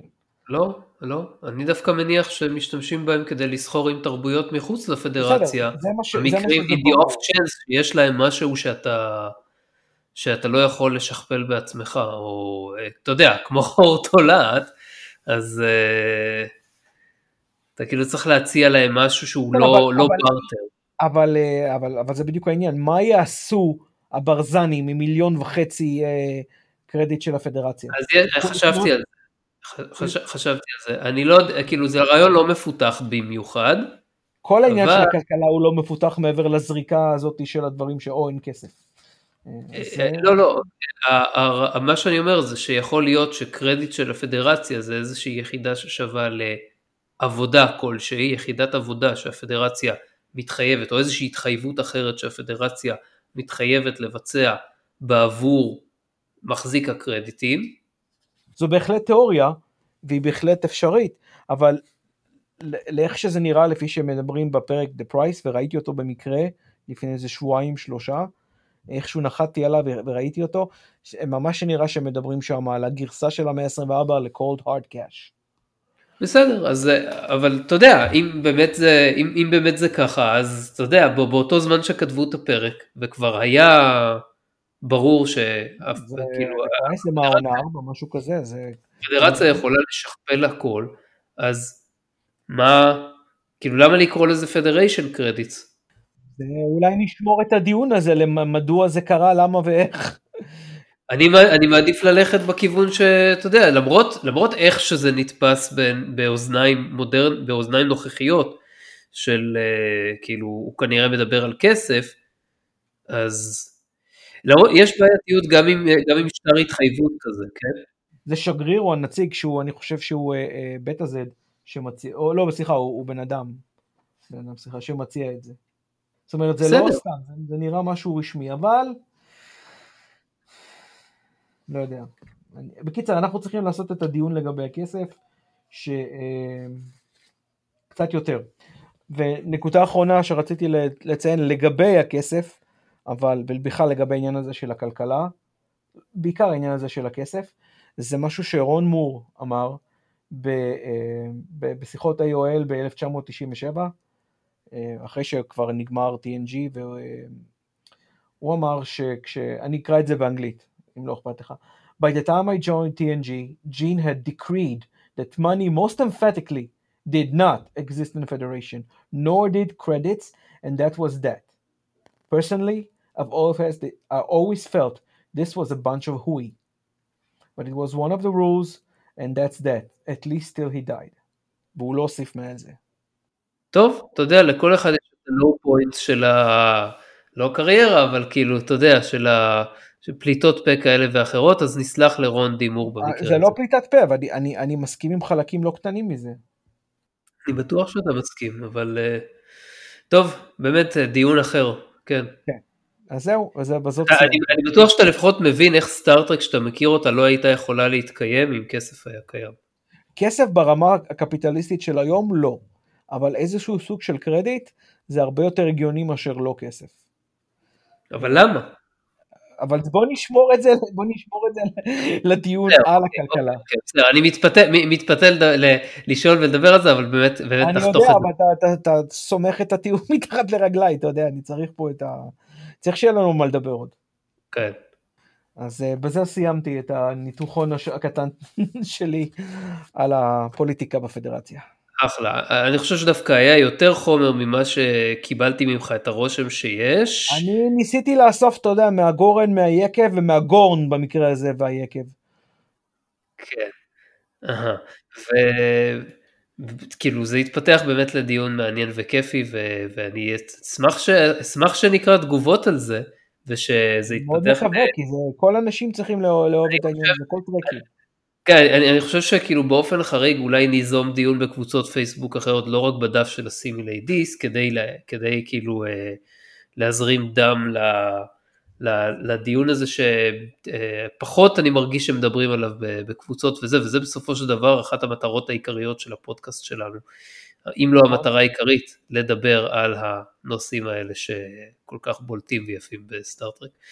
אז זהו, אז uh, הגענו לסוף התוכנית ומקווים שנהנתם ואם כן נשמח אם תיתנו לנו לייק בדף הפייסבוק של הסימילייטיס ונשמח כאמור אם גם תגיבו שם או בכל מקום אחר ואנחנו זמינים במרבית אפליקציות הפודקאסטים לרבות ספוטיפיי, Apple Podcast, Podcast Addict ועוד. תודה שהייתם איתנו, תודה אלכס, תודה ליאור, ועד הפעם הבאה, ביי ביי. ביי ביי.